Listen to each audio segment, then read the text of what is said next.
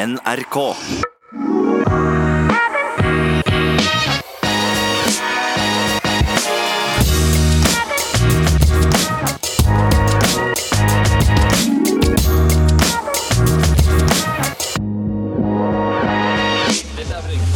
Hjertelig velkommen til en ny episode av eh, I det lange løp. Og i dag er det faktisk snakk om ganske lange løp her på Sand på Romerike. Vel- det er en stund siden det er så bra felt samlet i et norsk maraton. Og det må vel skyldes korona. Ja, helt klart. Men er litt å si på løypa. Litt mye vind, men ellers var bra her ute. Og mye gode prestasjoner. Så eh, det går an å få til bra idrett i koronaåret 2020 også. Kristian Ulriksen, du er jo på gang igjen etter skade. Jeg er litt på gang igjen etter å ha vært litt lat i sommer, rett og slett. Så i dag så hadde vi et hareoppdrag. Jeg var litt spent på hvem som holdt lengst. Hvordan gikk dette her egentlig?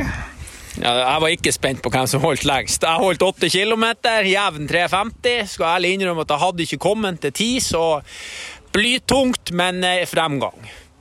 Og jeg holdt faktisk 28, da slår jeg deg med 20 km. Det er ikke tvil om hvem som er i best form i podkasten, iallfall. Nei, det blir ny konkurranse 1. januar, så får vi ta opp sjekket da.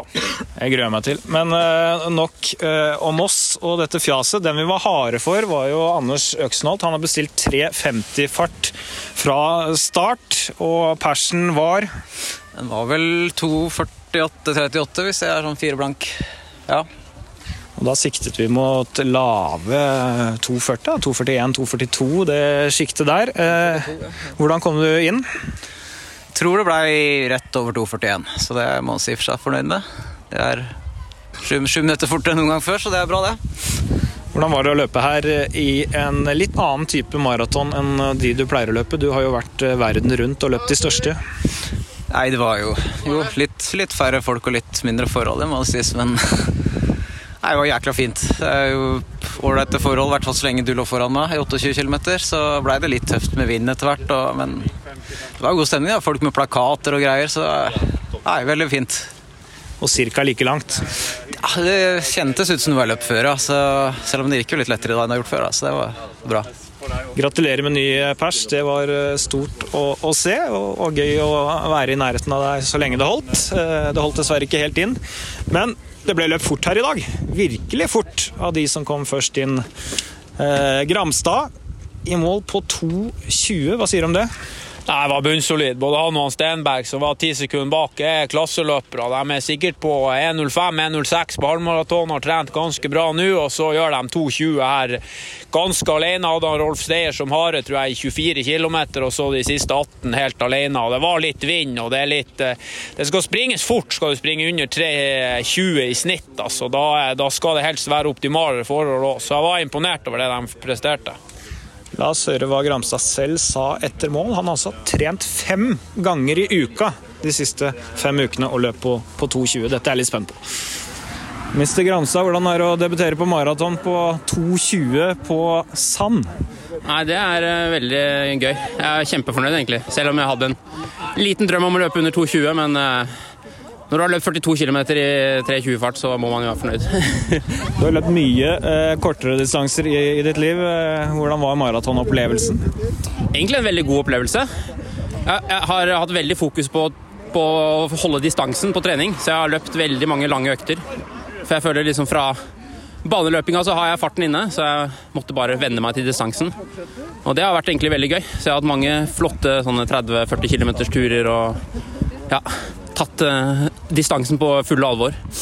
Hvordan har du bygd opp de øktene? Nei, Jeg har eh, fulgt Kanovas eh, program som han lagde for Sondre før Fukuoka. Så jeg har stjålet økter derfra. Og så har jeg kalibrert det ut fra min egen maratontid i forhold til Sondre sin maratontid. Så det er jo litt morsomt, da, som, i og med at jeg er fysiker. Så syns jeg det er veldig gøy når man kan ha en matematisk tilnærming til treninga. Så jeg har hatt veldig fokus på liksom, akkurat den farten skal holdes på de øktene. og ja, Kjørt mye sånn tre kilometer på, én kilometer av, to kilometer på, én kilometer av. Ja, og sånne ting. Hva er den hardeste treningsøkta du har gjennomført på, på langtur, syns du, ut fra det, det som en gang var europarekordprogrammet? Jeg syns kanskje den tyngste var ti eh, ganger to kilometer på, én kilometer av. Eh, hvor du løper i maratonfart og fortere på de to kilometerne, og så 20 sekunder over maratonfart på én kilometerne. Det var nok den tyngste økta jeg har hatt. Men jeg har også lært veldig mye om ernæring. Altså, det har jo gått opp et lys for meg etter 20 år i løpemiljøet. At det er jo altså, å ta en Morton Gel etter en time Hele kroppen begynner å prikke av energi. Det er helt uh, eventyrlig. Så det er også noe jeg har lært. Jeg... Lært mye, du, nå? jeg har lært kjempemye. Men uh, nå skjønner jeg også, det jeg også har lært her, at jeg skjønner hvorfor folk er fascinert av maratondistansen og treninga opp mot distansen. og fordi du Det er liksom noe med at eh, hastigheten ikke er så stor, så at uh, det er liksom en helt annen type trening enn det du trener når du løper 5000, 1500 og 10 000 og sånn. Og det er kanskje noe som passer for flere da, enn en akkurat sånn fem kilometer trening.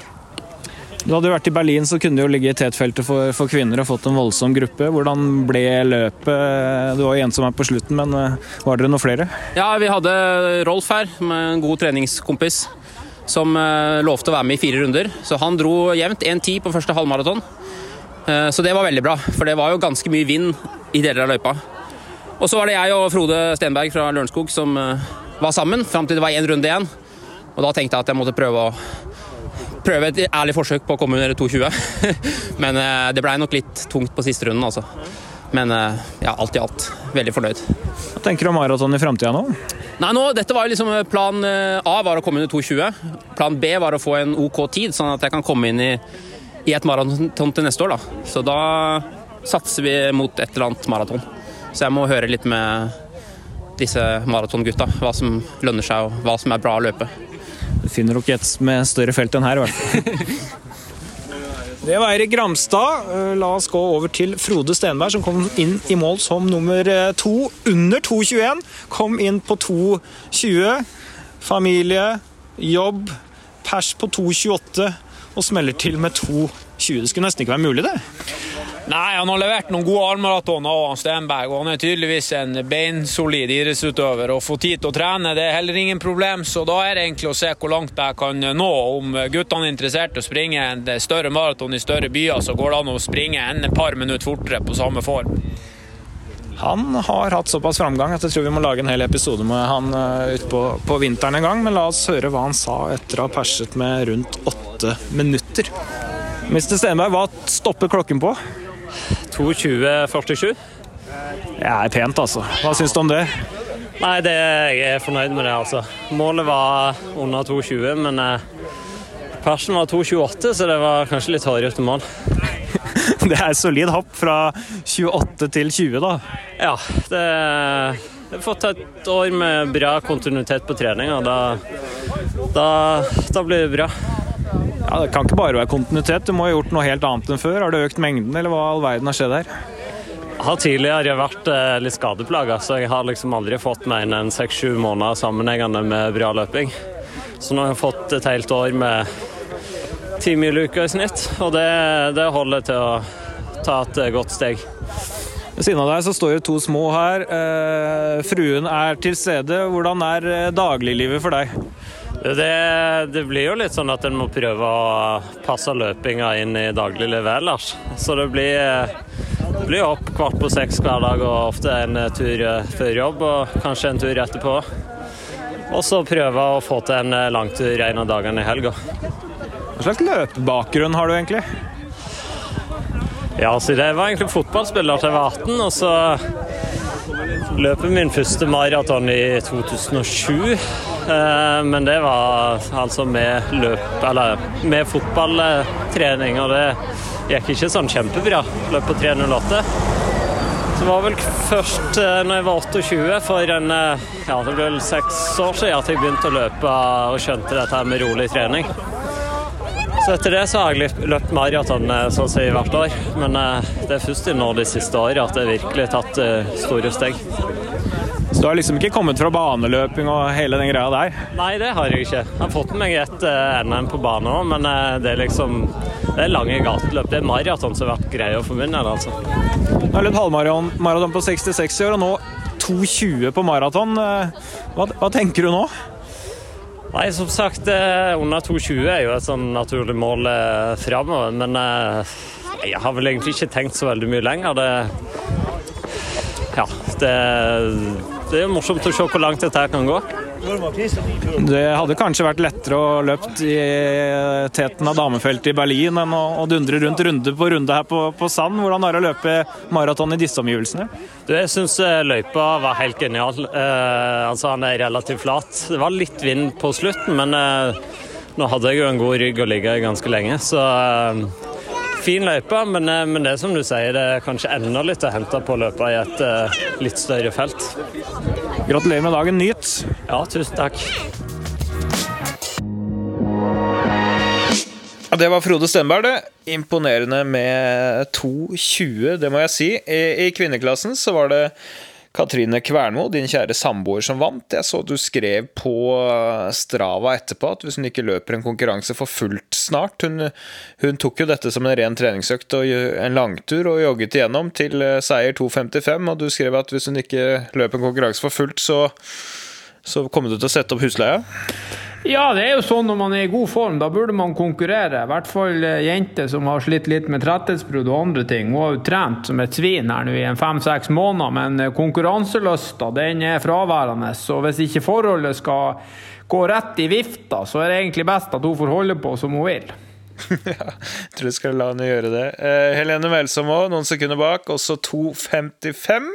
Gratulerer med under tre timer. Eh, det samme gjelder Trude Stormo, som vi møtte et lite intervju her i denne podkasten for en god del uker siden, da hun løp under 1,30 på halv, og jeg var harde. Nå holdt hun samme farten dobbelt så lenge, så det var imponerende. Eh, gratulerer med under tre timer. Må jo si at det var imponerende bredde da, i, i perseløpet og maraton denne gangen. Det var vel 13 eller 14 under 2,30. Men sammenlignet med Japan så kommer vel Norge litt til kort ennå.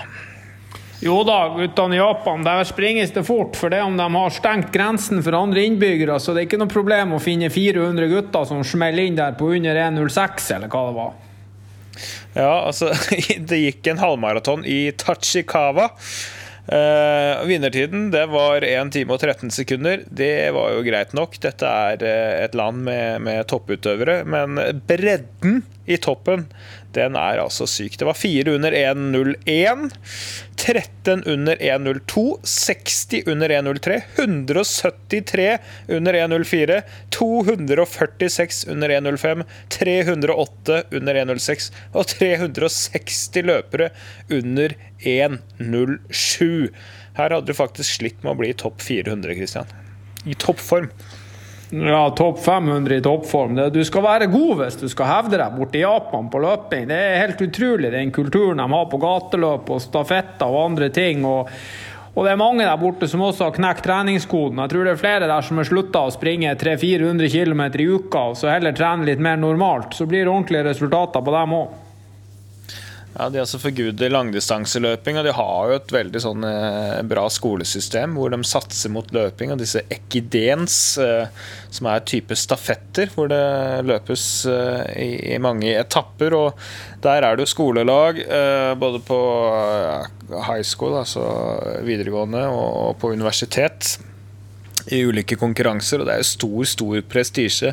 De største av disse Konkurransene er blant de mest sette idrettskonkurransene i Japan på, på TV.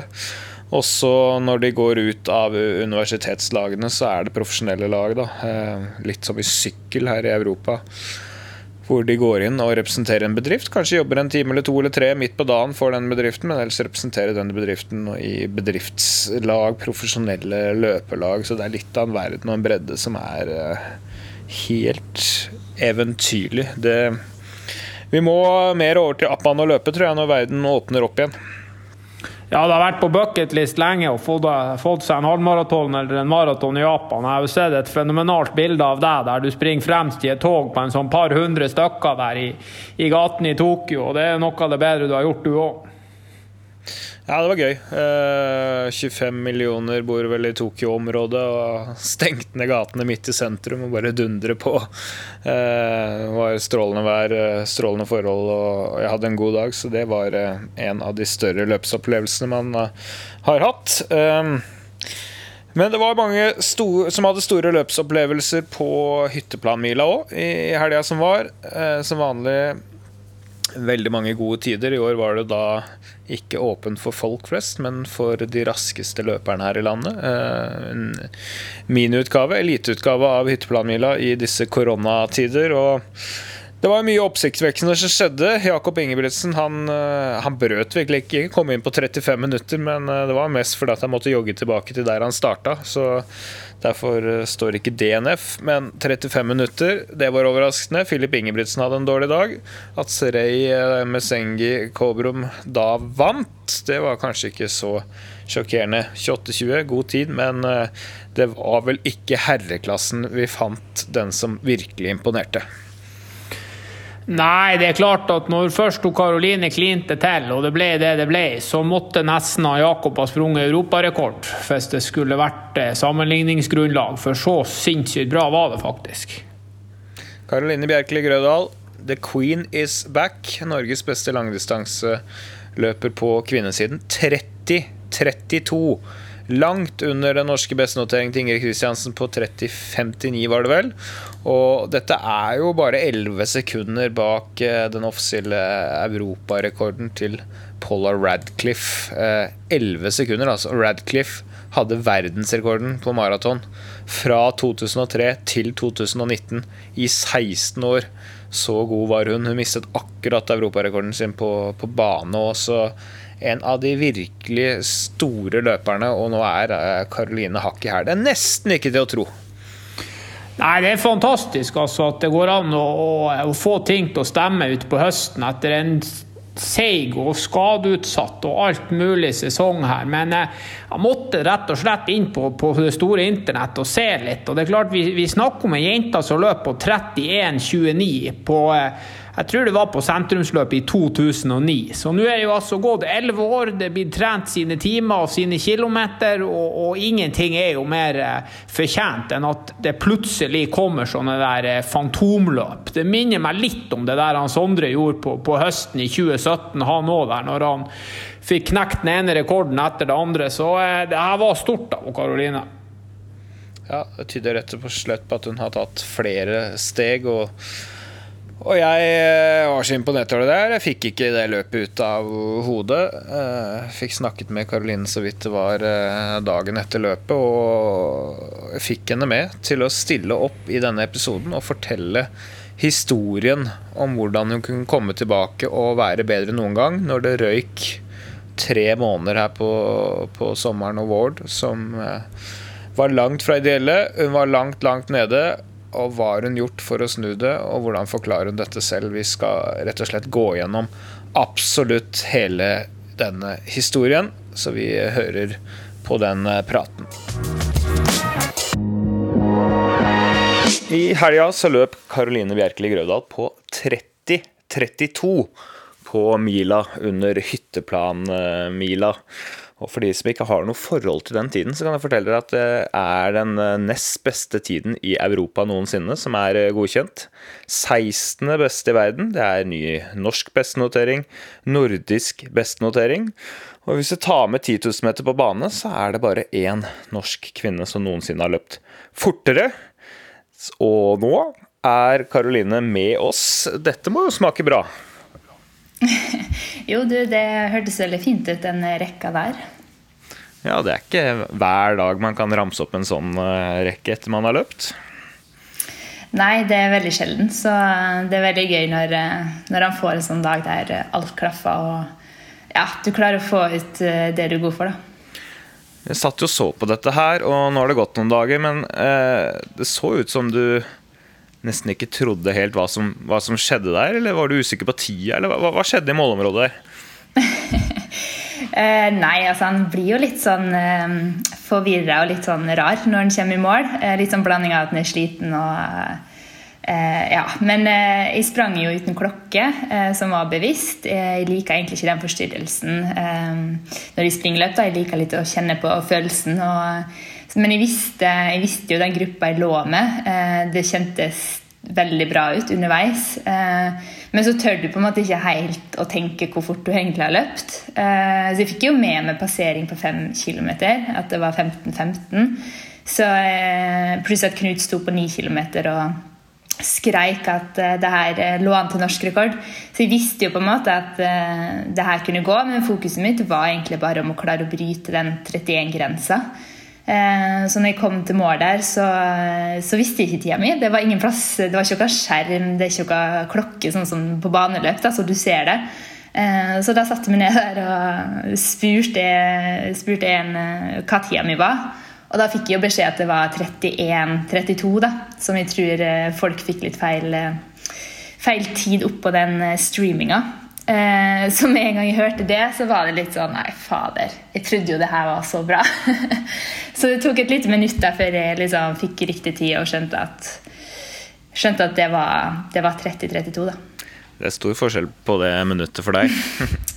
ja, det var veldig stor forskjell. Men, eh, men ja, jeg, jeg var overraska òg, fordi altså jeg hadde som mål selvfølgelig om å, om å ta den eh, norske rekorden til Ingrid på 59 og komme meg liksom under det var grunnen til at de la meg i den, gruppa, den startgruppa i jord. Da. Eh, men at de nærma meg nærmere 30-30 enn 31, det, det trodde jeg ikke før start. Ja, for denne grensa på 31 minutter, den tror jeg du har tenkt på en stund. Du løper jo på ja, jeg husker ikke nøyaktig, men 31-30 et eller annet, noe som 18-åring, gjorde ikke det? I sentrumsløpet. Og mm. det har vel vært i bakhodet siden den gang, vil jeg tro. Absolutt, det har det. Um, det, og det kan fort bli ei litt sånn eh, mental sperre òg, om å tørre å, å åpne den farta. Så derfor òg var det litt sånn bevisst at eh, nå springer jeg uten klokke. Eh, fordi at det kan, det kan, være pluss og minus med det. Eh, for min del så tror jeg at det er lett hvis du ser at det går såpass fort i starten, da, eh, og begynner å tenke at det her er for fort, og at jeg kommer til å sprekke. Så det var egentlig litt sånn nå bare springe, eh, la beina gå, kjenne etter hvordan det føles. Og til 6-7 km så følte jeg at jeg jogga, eh, og det, det, har jeg aldri opplevd i den farta der. Ja, det, det, er jo ekstremt at 3.03 eh, i snitt på kilometeren skal føles ut som jogging. Men det var nesten det det så ut som òg, fordi at eh, du så så kontrollert ut. Eh, at eh, det virket som om du var ute og, og ja, nærmest løp halvmaraton og hadde løpt 5-6 km på halvmaraton. Du så så kontrollert ut, da. Det må jo være et bra tegn? Ja, det, det, er litt sånn jeg har sagt at eh, ikke, Av og til så har han eh, Kanskje han bare har det en gang i karriere, eller noen få ganger. Eh, men han liksom kjenner fra start at i dag er det en sånn blanding at selvfølgelig formen er god, men jeg òg har, jeg har virkelig dagen. da. Eh, du er egentlig ikke sliten når du kommer i mål. du ja, du har den følelsen underveis at ok, bare jogga, jeg kan egentlig øke hvis de vil. Eh, jeg tror jeg har hatt det én gang før i mitt eh, liv, den følelsen der. Eh, og det var litt den følelsen jeg hadde fra start på det løpet, her, at bare alt klaffa. Beina gikk, jeg pusta ikke masse. Jeg var kjempeheldig med den gruppa jeg lå i. Det gikk veldig jevnt. Jeg trengte ikke tenke på farta. Så, så alt var liksom Alt klaffa på lørdag. Kjenner du da allerede det på oppvarming? Nei, det gjør jeg veldig sjelden. Det gjorde ikke nå heller. Eh, men det er, sånn, det er veldig sjelden at han tør å tenke at 'i dag føler jeg meg bra'. Eh, for det er litt sånn skummelt å tenke det òg. Eh, og det er veldig sjelden han tenker det underveis òg. Men jeg tenkte veldig fort fra start, egentlig fra sånn to-tre kilometer, så, så, kjente jeg at det var null problem å ligge i den gruppa. For jeg var veldig spent før start om jeg nå hadde eh, satt med, eller åpna med ei litt for hard gruppe. Da, for den eh, Jeg skulle egentlig kanskje vært i heat tre, sånn ut ifra persen min. Så, så, jeg var veldig spent på om jeg nå måtte løpe alene, eller om jeg klarte å henge med gutta. da. Ja, du... Men jeg merka veldig fort at, at, det gikk fint. da.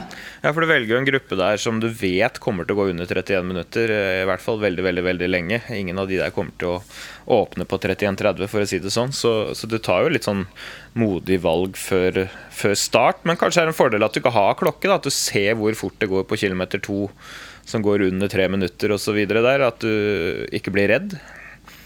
Ja, jeg tror det. Det var litt sånn frem og tilbake for de siste dagene før løpet om, om hvilken gruppe jeg skulle være i. Men uh, der var heldigvis uh, Knut, altså treneren min, òg litt sånn uh, pusha meg kanskje litt på at jo, jo, det her er perfekt gruppe. Du, altså, du må ikke lage deg sperring i hodet på den 31-grensa. og Det samme var jeg jogga med Sondre Nordstadmoen her på tirsdag i forrige uke. Og, og, han var litt av den samme. bare, altså Det er ingen grunn til at du ikke skal springe under 31 nå med de 5 km-løpene du har gjort. da. Så jeg fikk litt sånn her oppbacking i forrige uke her til å tro sjøl at jeg kunne klare å, å løpe fort. da. Så det hjalp på.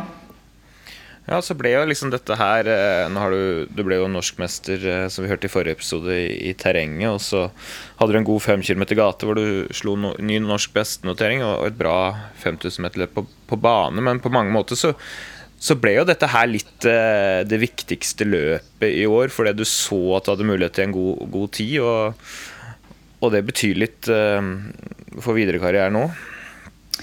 Ja, absolutt. Eh, når jeg liksom så meg ut de fire løpene her på rad, da, jeg har egentlig hatt fire helger med løp nå, eh, så var det litt sånn viktig for meg for å helt tatt få en sesong i år. Eh, men jeg visste det at det var hytteplanen som var viktigst. Det var det siste løpet. Og, at det her kunne egentlig bli en veldig fin oppkjøring til det løpet. da.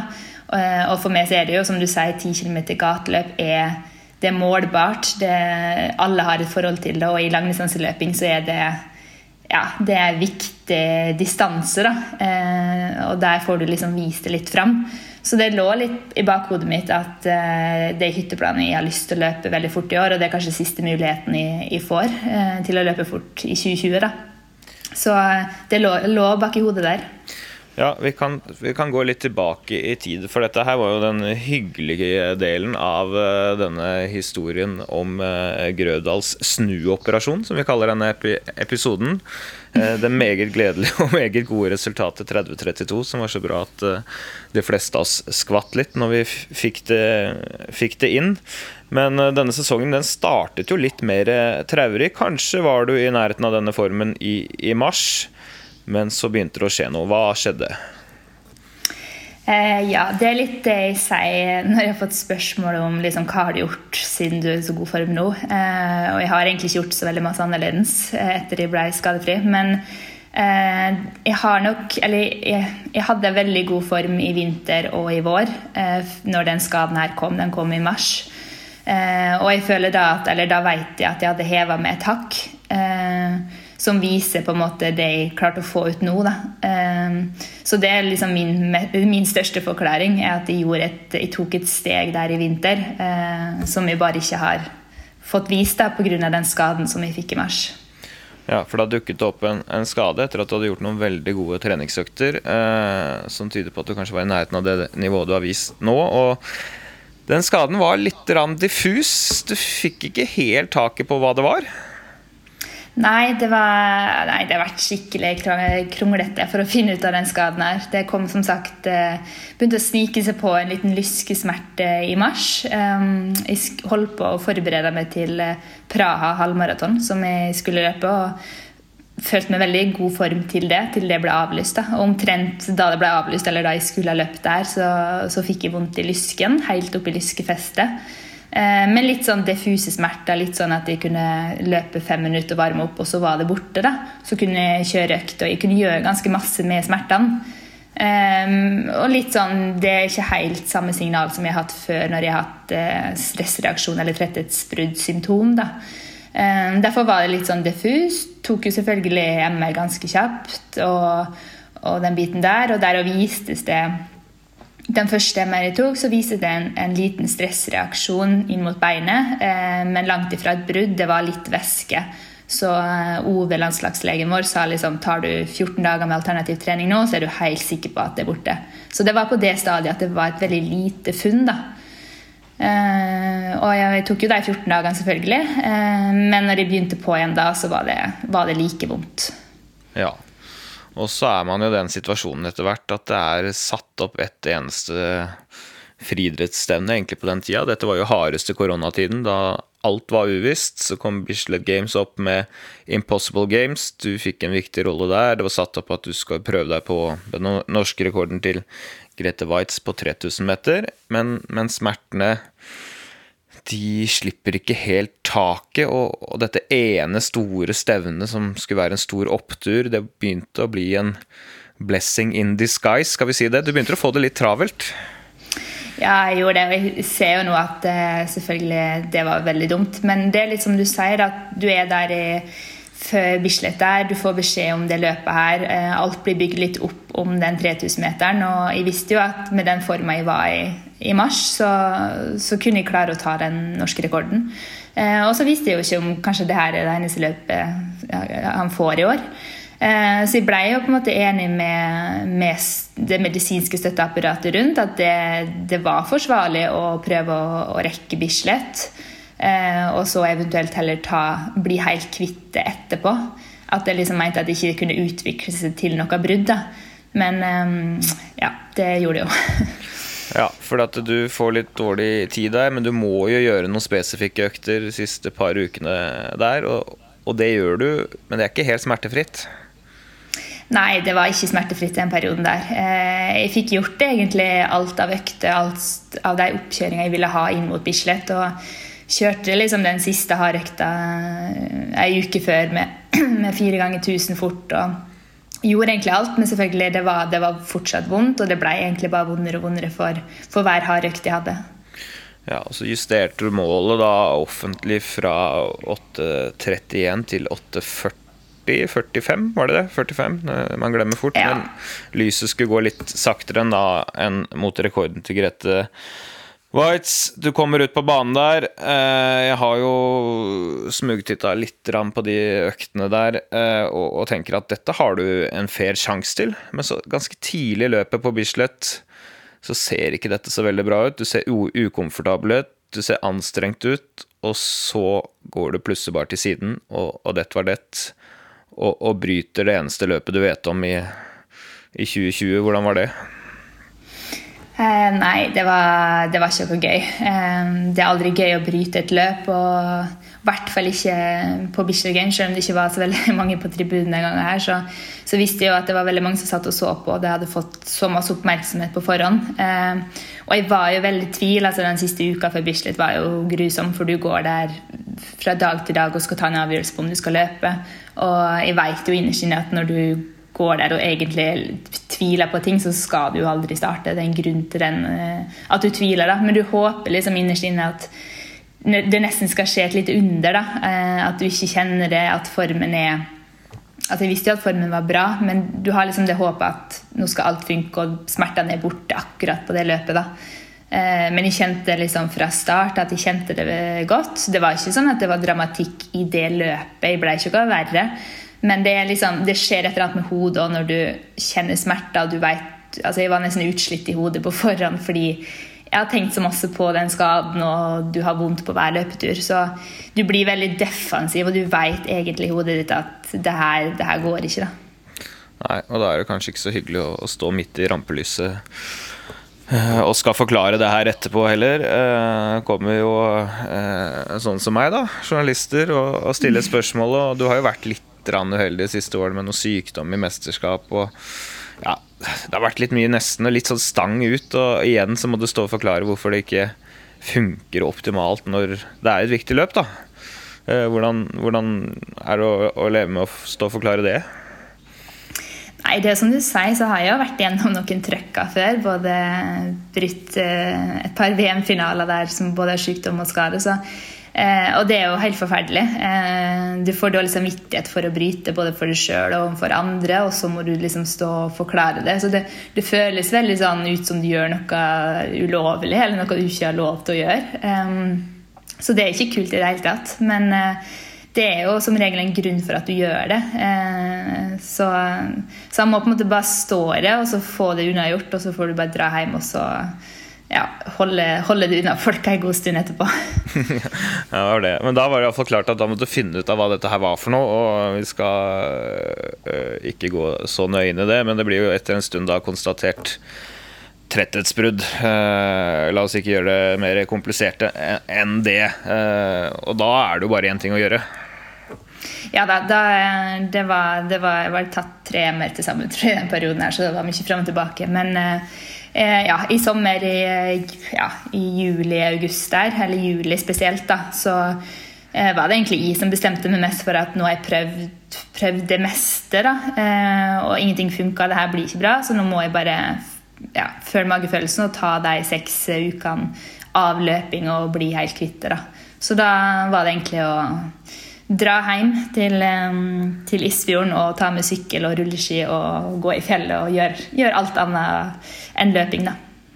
Ja, for vi som følger deg på sosiale medier, så, så la du ut bilder av noen fine fjell, og du var ute og gikk, og så til og med at du var på sykkel. Men for oss som kjenner deg litt, så vet vi at du er ikke i topp humør når du må drive og sykle, altså. Så hva, hvordan, hva tenkte du denne perioden der?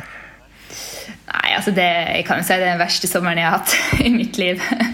Uh, nei, altså Det er jo selvfølgelig Det å gå i fjellet og trene på den måten, det syns jeg er fint, for det liker jeg å gjøre. og Da følte jeg i hvert fall at jeg fikk litt puls og sånne ting. Men uh, det å sykle, uh, det syns jeg er forferdelig. Um, det eneste positive er at du får, får, vært ute på sommeren når det er fint vær, da, kontra å være inne.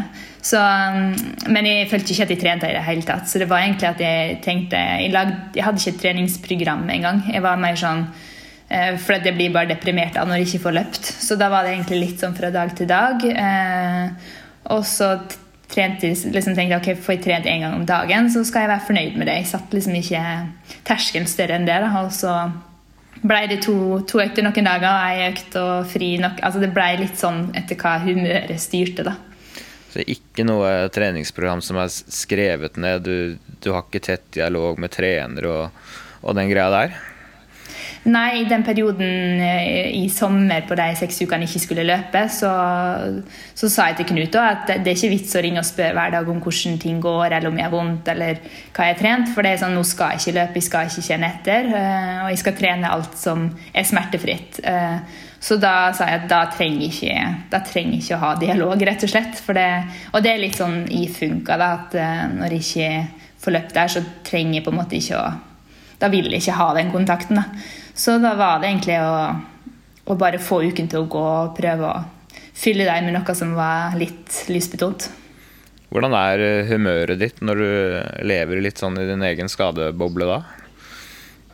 Nei, det er ikke altså, Jeg klarer jo å ha litt perspektiv på det. Jeg har vært igjennom det her før. Men jeg, det var jo tungt, og jeg tror liksom de, det aller nærmeste merka jo veldig godt på humøret. da, At jeg liksom ikke har den gnisten og eh, som jeg har når, jeg, når, alt går bra. Da.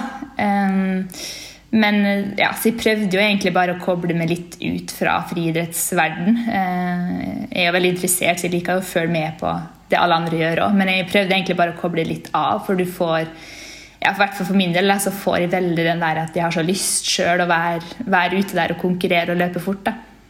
Ja, det er klart man har lyst til det. Og så føler man at man gjør det stikk motsatte. Og, og, tida går. Det er ikke noe hyggelig. I hvert fall ikke for dere som lever av det. Det er dette dere driver med, og ikke så mye annet. Så betyr jo det mye. Og, men la oss spole fram til august, da. For da, litt ute i august, så skulle du få lov til å, å løpe igjen. Eh, hvordan var det? Ja, jeg begynte på igjen eh, litt sånn uti august. Jeg sjekka så vidt dagboka mi nå før, eh, før, jeg gikk på her. og jeg var ikke i gang med sånn eh, detaljert eh, løping, eller normalt, altså intervaller på løping, da, før siste uka i august, faktisk. Da kjørte jeg første mølløkt fem ganger seks minutter. Eh, men jeg hadde vel kanskje et par uker før der jeg begynte litt på Alter G. Eh, der jeg tok av eh, en del vekt, eh, og begynte med rolige turer der, samtidig som jeg gjorde fortsatt alternativt. Um, og så begynte jeg som sagt siste uka i august eh, med litt mer intervaller, litt mer systematisk to-tre intervaller i uka. Begynte der og først med intervaller på alltid G-mølla, og så gikk over til vanlig. Um, samtidig som jeg gjorde veldig masse alternativt på de rolige turene. Ja. Men ja, jeg brukte kanskje Jeg brukte jo det, altså de første tre, nei, fire ukene der var det fortsatt vondt når jeg begynte på igjen. Så det var fortsatt en kamp om hvorfor kjenner jeg det her fortsatt. ja, og for det tenker jeg det må være litt tøft mentalt. For da har man liksom følt at man har vært flink. Man har tatt uh, konsekvensen av uh, problemene. Tatt seks uker av. Nå skal dette være bra. Man har ventet, vært tålmodig, og så stikker det litt til på samme sted. Ja, det er veldig frustrerende. Um, og det var var, altså jeg hadde jo dialog her med Ove og, og Olympiatoppen òg. Og du blir jo litt sånn redd da når du, har, du vet det er den skaden, du kjenner til smerter, og du skal jo ikke ha smerter. Uh, samtidig som så har jeg gjort alt som skulle til. da. Eh, men eh, det her sitt, eller det satt på et sted som er antageligvis veldig utsatt for alltid belastning. Da. Det er akkurat i krekken opp mot lysken, så uansett hva du gjør, så vil du få et sånn drag der som gjør at det tok veldig lang tid å gro. da. Eh, men når jeg begynte å løpe på der, så, så var det medisinske teamet rundt veldig trygg på at no, det er egentlig grodd nå, men du trenger en fase der du springer og må komme gjennom de stikkesmertene som du har. da. At det skulle ikke være farlig, men det skulle liksom graderes veldig sånn fra én til ti smerte. Jeg skulle aldri over to-tre. Så det var litt vanskelig òg, for det er jo litt sånn individuelt hvordan du opplever smerte. Eh, så det var noen uker der jeg liksom måtte bli litt pusha av andre òg, for at de mente at det er ikke farlig, du må bare stole på at det her er ikke farlig, men du skal ikke ha store reaksjoner etter hver løpetur. da. Eh, så jeg måtte liksom rett, og slett gjennom en liten periode der jeg fortsatt eh, måtte liksom presse meg gjennom løpeturer sjøl om jeg kjente det var vondt. da. Og det var jo litt sånn, det er alltid litt utrygt å gjøre det. da. Ja, en periode med litt sånn mental usikkerhet før man etter hvert skjønner at dette her er veien å gå, dette funker, jeg er bra igjen. Ja, det var litt sånn, og så blir det jo litt sånn eh, Du blir litt rar i, i hodet, kan du si, da, etter en sånn skadeperiode, for du har hatt de smertene så lenge eh, at du blir nesten vant til å kjenne det òg. Så til slutt så veit du ikke om du kjenner det eller ikke når du springer, eh, og om det egentlig er en stølhet, eller om det er reell smerte. Så, og det er litt sånn, det er vanlig å kjenne etter et rettighetsbrudd. Disse smertene etter det egentlig har grodd. Så det gjør jo at ting eh, kan oppleves eh, litt verre etterpå. da. Ja, jeg skjønner. Eh, for dere som ikke vet hva AltG er, så er det altså en tredemølle der man, man kan ha et sånt svært belte for, på, rundt seg, vi kan nesten kalle det, som blir blåst opp litt, sånn at man tar av så mye kroppsvekt som man føler for. Så man kan ta bort 10-20-30 kroppsvekt, sånn at man ikke får den belastningen, men man kan fortsatt løpe. da. En ganske svett opplevelse, egentlig. Og Absolutt. Og ikke noe alle har tilgang på, men, eh, men eh, på Olympiatoppen f.eks. så er det en, en sånn da, som kan hjelpe utøvere litt i gang etter skaden. Men, men, fra da siste uka i august så må du ha gjort ekstremt mye riktig. Uh, vel, la oss først ta følelsen når du skal løpe dine første steg igjen etter å ha vært ute i seks uker. Hvordan føler føler toppidrettsmaskinen, uh, gjennomtrente Karoline Bjerkeli Grøvdal seg da? Uh, nei, altså egentlig så altså, Det føles egentlig, føltes egentlig veldig greit. Var jo bortsett fra at det er smertene som ikke helt ville gi slipp, da, for du blir jo veldig obs på deg. Men jeg husker jo fra jeg begynte, altså Det er forskjell på å jogge og det å begynne med intervaller. Eh, og jeg var ganske sånn, jeg begynte den siste uka der, så begynte jeg ganske sånn med målbare ting. Det, og det ville jeg, for jeg vil ha kontroll på ting. Jeg, jeg har standardøkter, spesielt på mølla. da, Som jeg har fart og jeg har laktatverdier. Jeg har alt å forholde meg til. Men det ville da, jeg ville vite hvor jeg var for hver uke som gikk. Mm. Eh, så når jeg begynte den uka der, så begynte jeg jo med standard med fem ganger seks minutter. Eh, og jeg begynte liksom på 18 km i timen, for det bruker jeg å gjøre. Og jeg, jeg sa jo til Knut at jeg, jeg, jeg springer ikke intervaller under 18. Da får jeg bare måle 10 laktat. Jeg skal begynne på 18. Så det var litt sånn Jeg begynte, jeg begynte, begynte på den farta. Jeg skulle ikke gå under der. Og så Eh, så var det tungt. Jeg målte mye høyere laktat enn, eh, enn jeg, visste jeg gjorde i mars. Jeg hadde jo liksom de tallene å gå etter. Så det var noen uker som var frustrerende fordi det var tungt. Og som sagt, laktaten var veldig høy da, på det jeg gjorde.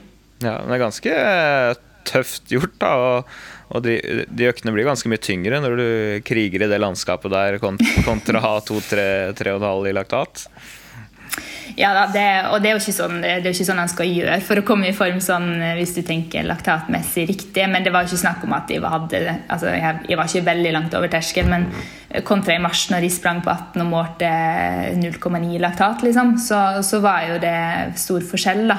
Eh, men, eh, men jeg, jeg holdt jeg holdt nok jeg holdt veldig bra tilbake i de første ukene der. Eh, jeg sprang etter laktaten på det meste. Det var liksom noe jeg skal ikke Jeg skal i hvert fall treffe riktig sone her, og så må jeg bare få inn masse masse terskeltrening eh, for å bygge opp igjen den, eh, den grunnform eller grunnfarta der. da.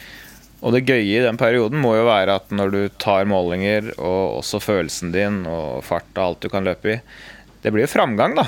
Du responderer.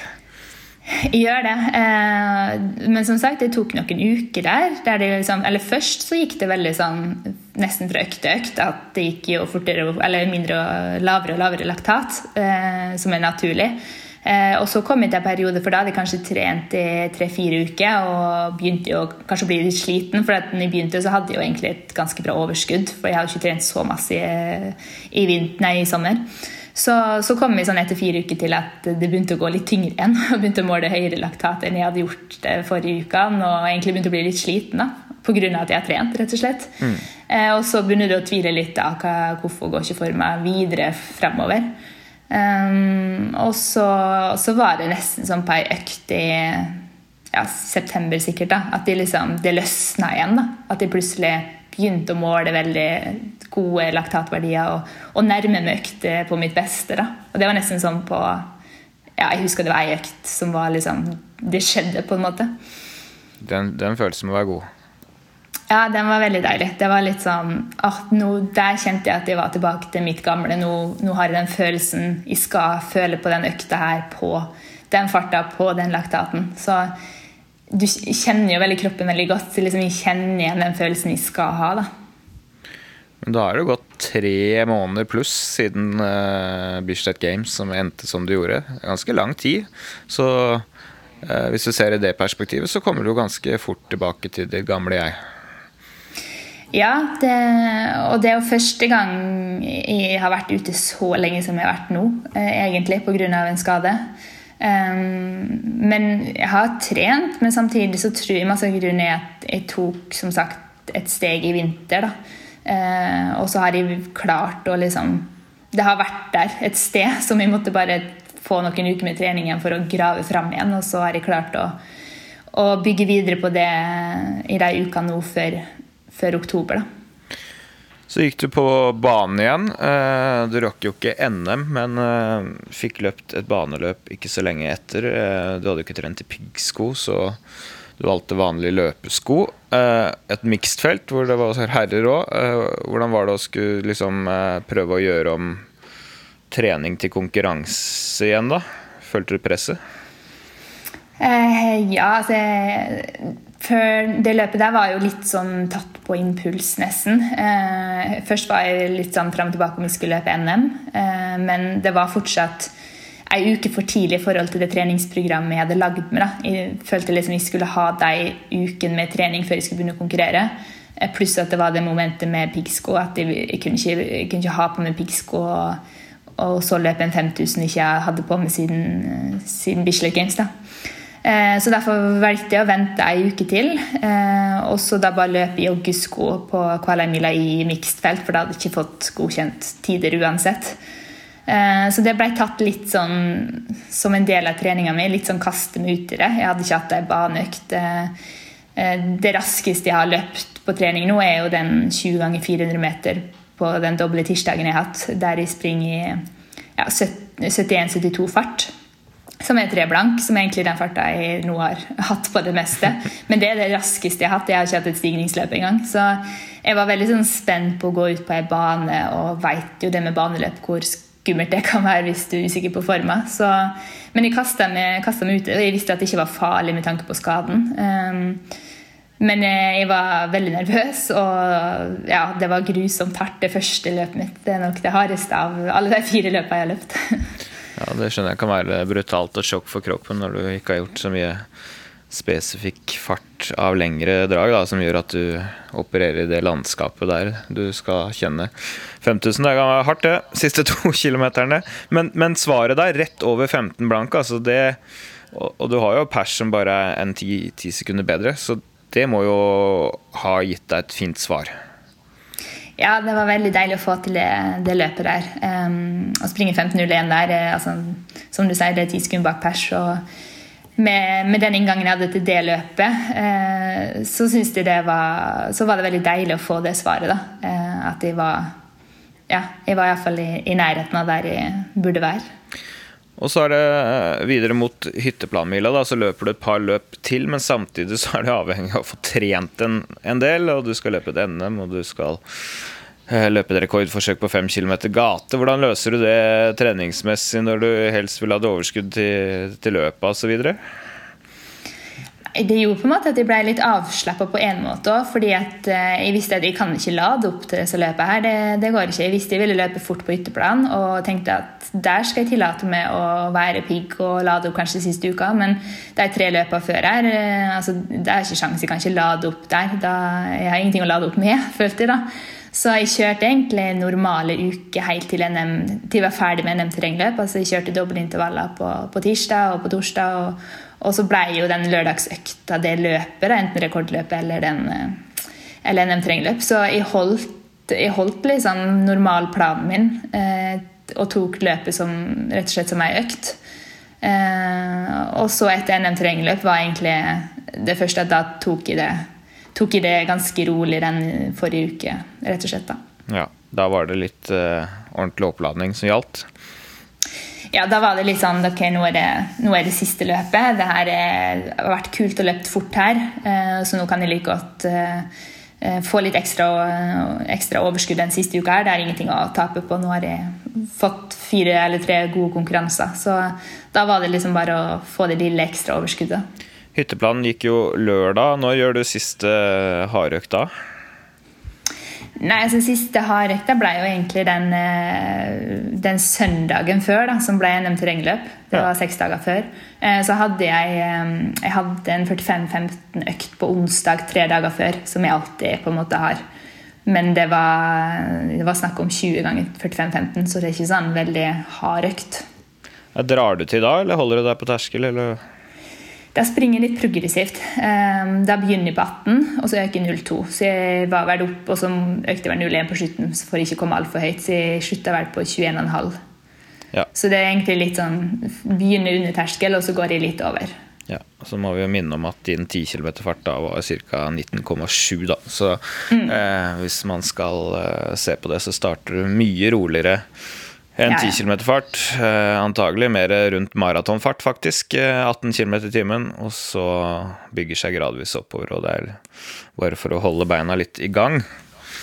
Ja, det er egentlig en økt som ikke skal oppleves som hard økt. Altså, det er jo bare 20 minutter i intensitetstid, og som du sa, så begynner jo ganske langt under terskelen min. Så det er egentlig litt sånn blanding av å få ut løpet fra søndag, terrengløpet, og, og bli litt sånn kvikk i beina. Jeg føler ofte at det sånn 45-15-økt er en sånn fin måte å, å bli, ja, bli, litt sånn pigg i beina av etterpå, da. Ja, og det har ikke en tvil om at det ble. Så det der fungerte eh, helt optimalt. Er, de siste fire ukene her må jo ha gått på skinner. Ja, det har det. Altså. Det har vært Jeg har trent bra. Jeg føler liksom at de øktene jeg har gjort, mengden jeg har gjort, alt har vært Det funka fra, fra, det begynte å funke, så funka det veldig bra. Og så har jeg liksom fått gjort hver uke optimal, og treningsøktene har vært bra. Jeg har hatt med meg eh, både Håkon og Øyvind eh, Sundby har vært med på en del økter, som har vært en sånn fin gjeng på hver økt. og ja, det har vært gøy å være tilbake. Da. Plutselig sånn Jeg er jo superivrig nå, for jeg har uh, ikke fått løpt hele sommer. Og uh, har liksom tenkt hver gang jeg har vært litt nervøs på at det her har du liksom gått og gledd deg til hele sommer og vært sur for at du ikke har fått gjort. Så jeg har, liksom, jeg har ikke lov til å klage på at jeg er nervøs før et løp nå. Nei, det Det er jo sånn det skal være. og Hadde det ikke vært det, så hadde det ikke løpt så fort heller. Så det må jo være bra. Men, men vi må jo si at det, det var jo fantastiske resultater her. Og vi har vært gjennom hele snuoperasjonen. Allikevel så kan du tenke at du er en rutinert utøver som har prøvd i mange, mange år på å løpe så fort, og så klarer du det nå, etter tre måneder i sommer, som egentlig var ganske miserable. Det er litt rart, det er litt rart òg. ja, det, det, er jeg helt enig i. At det er rart. Eh, og jeg har ikke noen forklaring på det enn at, eh, at eh, jeg har trent da, eh, i veldig, veldig mange år nå, og, og er godt trent. Og sjøl om jeg nå var veldig lenge ut, ut av det, så viser det jo at jeg, jeg, fått, jeg får igjen da, for veldig mange år med trening. Eh, og at de da kanskje henter meg inn fortere etter en skadeperiode enn jeg ville gjort før. Ja, og så denne alternative perioden. Du har jo ikke sittet stille. Det må ha gitt noe? Ja, altså jeg trente jo selvfølgelig. Jeg har jo det i meg at jeg klarer jo ikke å sitte seks uker og vente på at ting skal gro og bli bra. Eh, så jeg trente jo. Eh, men jeg syns sjøl at eh, jeg trente dårlig i sommer. Eh, at jeg ikke var motivert for det. At jeg, eh, at jeg liksom Jeg gidder ikke å sykle i mange timer. Det gir meg ingenting. Men jeg hadde jo noen turer opp Trollstigen der jeg peisa på alt jeg klarte, og, og noen fjellturer der jeg krabba oppover fjellsiden så fort jeg kunne, bare for å bli sliten. Så jeg har jo hatt økter, men eh, jeg føler egentlig det var litt sånn bare vedlikehold jeg holdt på med i sommer. da. Så hvis jeg hadde kommet til deg og sagt 30-32 i slutten av juli der, så hadde du ikke trodd spesielt mye på meg? Nei, det hadde jeg ikke. Og så er det litt sånn når du er skada, og så føler du at alt forsvinner liksom ei uke ut i en alternativ periode, så føler du at forma raser, og alt du har gjort før, er borte. Så du føler jo ganske mye dårligere enn du egentlig er. Så, eh, så det tar jo litt med meg at eh, at en ikke skal liksom få helt panikk da, om en ikke får løpt. Nei, for det jeg også tenker litt. En teori er jo at kroppen kanskje trenger en pause. Vi har jo sett noen ekstreme eksempler tidligere. Shalane Flanagan vant New York Marathon etter en sommer hvor hun hadde tretthetsbrudd. Uh, og hun var jo eldre enn deg, for å si det sånn. Uh, og det er hennes desidert beste resultat. Så av og til så kan det virke som kroppen bare trenger litt nedetid. da Og så kan være sterkere enn noen gang etterpå. Ja, altså det, er jo, det er ikke alltid så lett å finne en forklaring på, på det her. Men, men ja, altså jeg, jeg, har aldri følt meg så bra som jeg gjør nå. Og jeg merka veldig fort når ting begynte å flyte igjen på treningen min nå i høst, så, så var jeg veldig raskt opp på, eh, på ei høy fart. Eller det å, å springe intervaller i, i tre blank kosta meg ikke noe etter hvert. da. Eh, og det tok ikke så lang tid eller så mange uker med trening før, før det føltes greit. Um, så, så, at kroppen min er et godt av den perioden, det kan man jo på en måte si. Uh, jeg trente jo selvfølgelig helt annerledes i, i, sommer enn jeg ville gjort vanligvis. Det ble en annen belastning på kroppen, og det kan jo være det òg at når du har hatt så lik belastning over lang tid, så, så trenger du å bryte opp det mønsteret, rett og slett. da.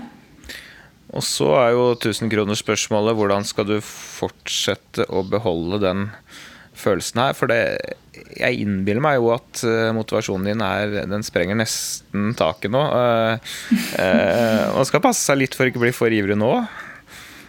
Ja, altså selvfølgelig altså, Motivasjonen min har vært veldig sterk for å komme tilbake etter den skaden her, men selvfølgelig nå også så jeg gir jo det med en ekstra boost. Men samtidig så, så kjenner jeg at jeg ble litt mer kanskje avslappa etter det løpet. På den måten at du blir litt letta fordi at du, du, har fått vist for deg sjøl og fått vist for andre eh, at, eh, at, du er fortsatt god, du kan, at jeg fortsatt utvikler meg. Eh, og det gir en litt trygghet, og jeg vet da at ting funker, det jeg gjør. Eh, og så prøver jeg nå, for nå vet jeg jo at jeg er i toppform, eh, og at igjen, når jeg er i toppform, så er skaderisikoen der. Eh, så jeg må fortsette å prøve å, gjøre, smart, gjøre smarte ting. og og rett og slett eh, holde litt igjen. Og det er litt sånn som Ove, landslagslegen, sa, at det her, det her, klarte du med bremsen på. For alt du har trent nå i høst, har egentlig vært med bremsen på. For vi har jo ikke fått løpt eh, fullt, eller det jeg vil, enda. Men det har funka, og så må jeg kanskje se på om det kanskje er noe jeg kan ta med videre.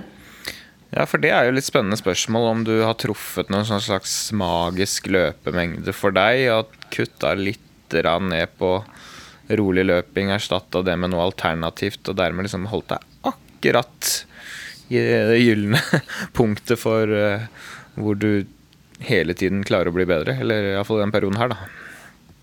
Ja, jeg tror nok at den er inne på noe der. Uh, at det ikke alltid om å gjøre å løpe flest kilometer i uka, og at den henger seg veldig opp i en sånn mengde i uka. Uh, jeg har ikke tært kilometer i uka i det siste nå. Um, men jeg har, fått gjort, jeg har hatt mer fokus på at jeg har gjort alt av kvalitet som jeg vet jeg vil ha i løpet av uke. Men alt imellom har jo blitt uh, redusert og erstatta med sykkel og ellipse.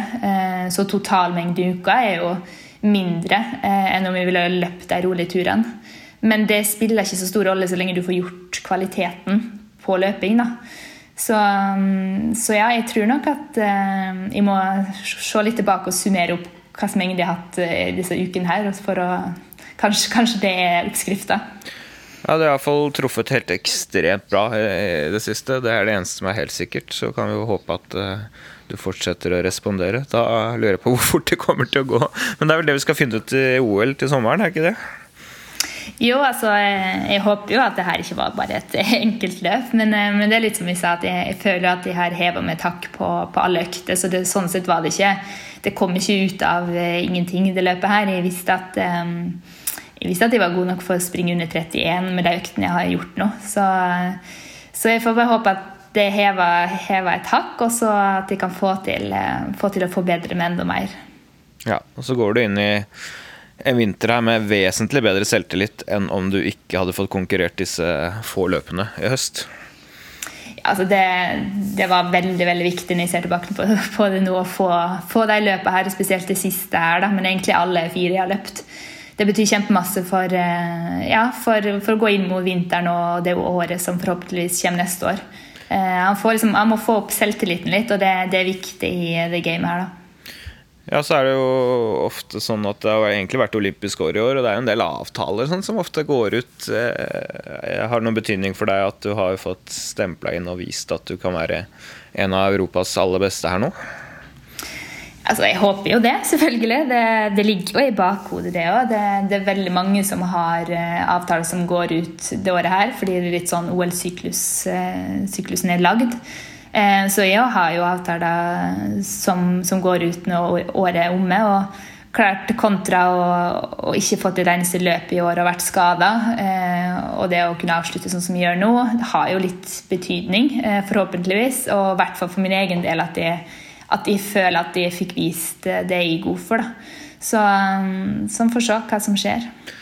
Ja, for det er jo et press eh, vanlige folk som driver og jogger litt i ny og ne, slipper å forholde seg til. Men det er jo litt kampen for tilværelsen òg. Man skal jo ha penger til å, å leve og osv. Så, videre. så når det presset begynner å spille inn, så det er jo ikke alltid like hyggelig. Og så kan det også betydning for hvilket løp du kommer inn i uh, når sesongen starter igjen. For det er jo ikke bare å, ringe til de store løpene og si at uh, hei, jeg løp ganske bra for tre år siden, kan jeg få være med?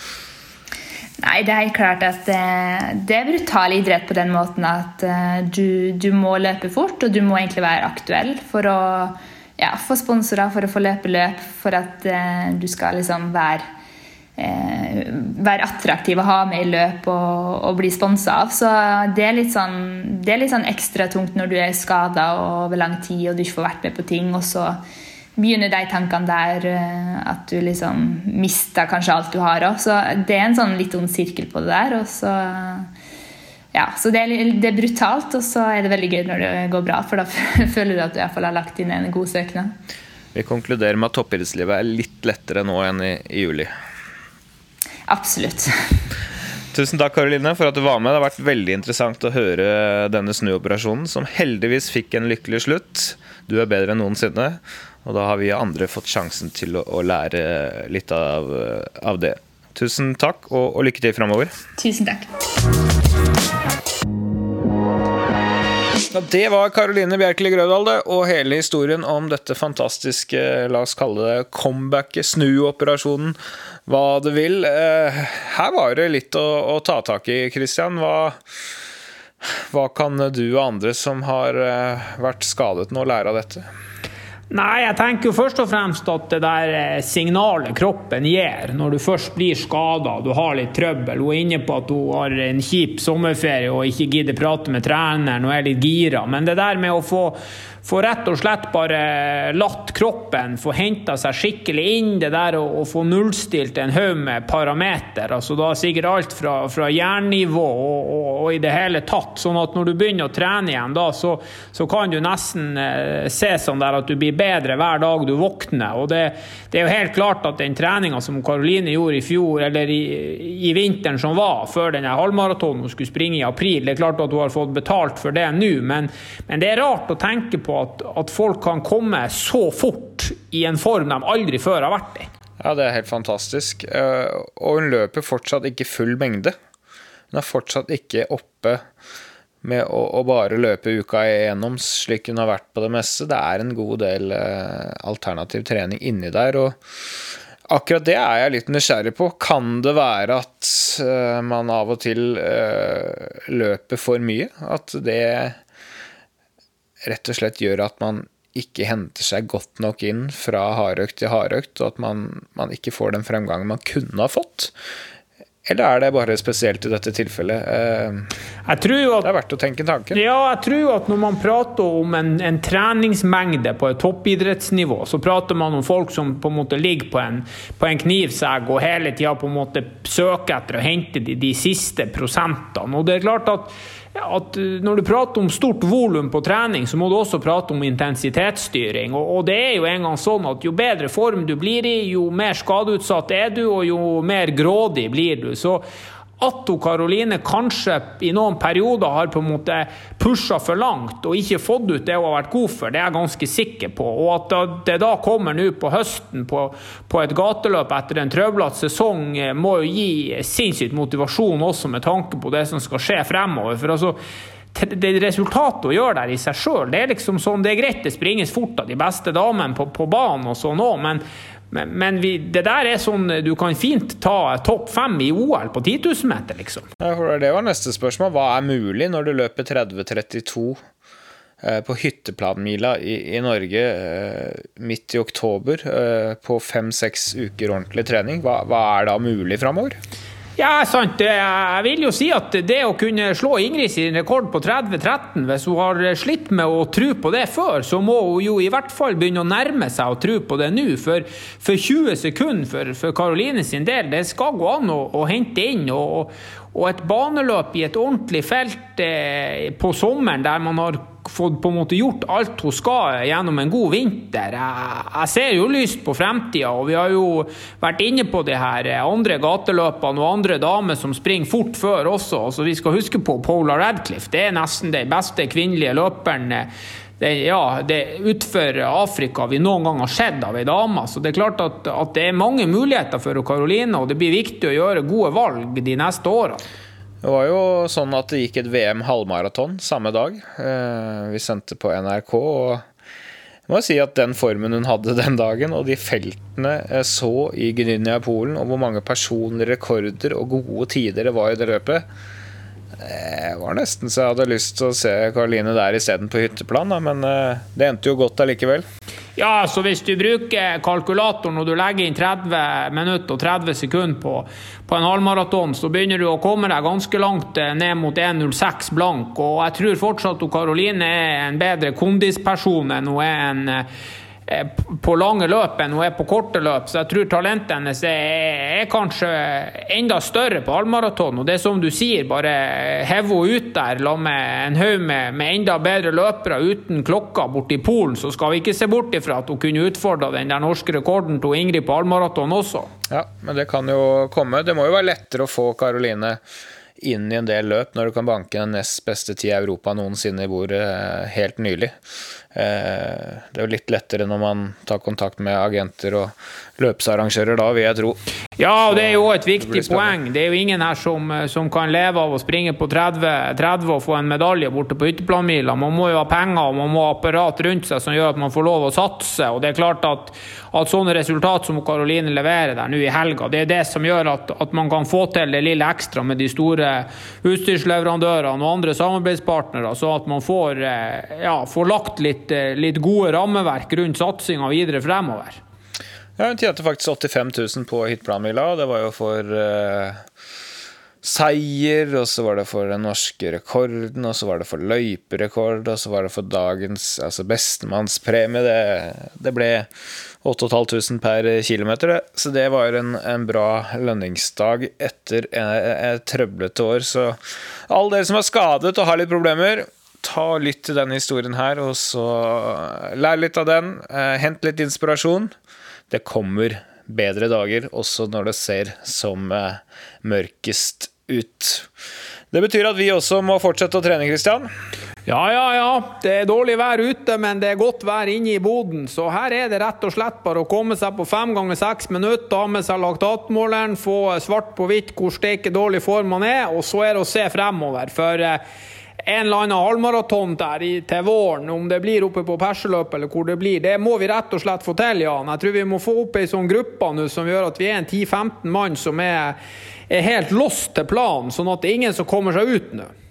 Nei, vi må prøve å holde hverandre inspirert. Det det kan vi alle hjelpe hverandre med. Så hold en, eh, en løpekompis eller en løpevenninne motivert, og gjør innsatsen selv. Det får være dagens eh, råd. Takk for at du fulgte med. Vi kommer tilbake om en uke.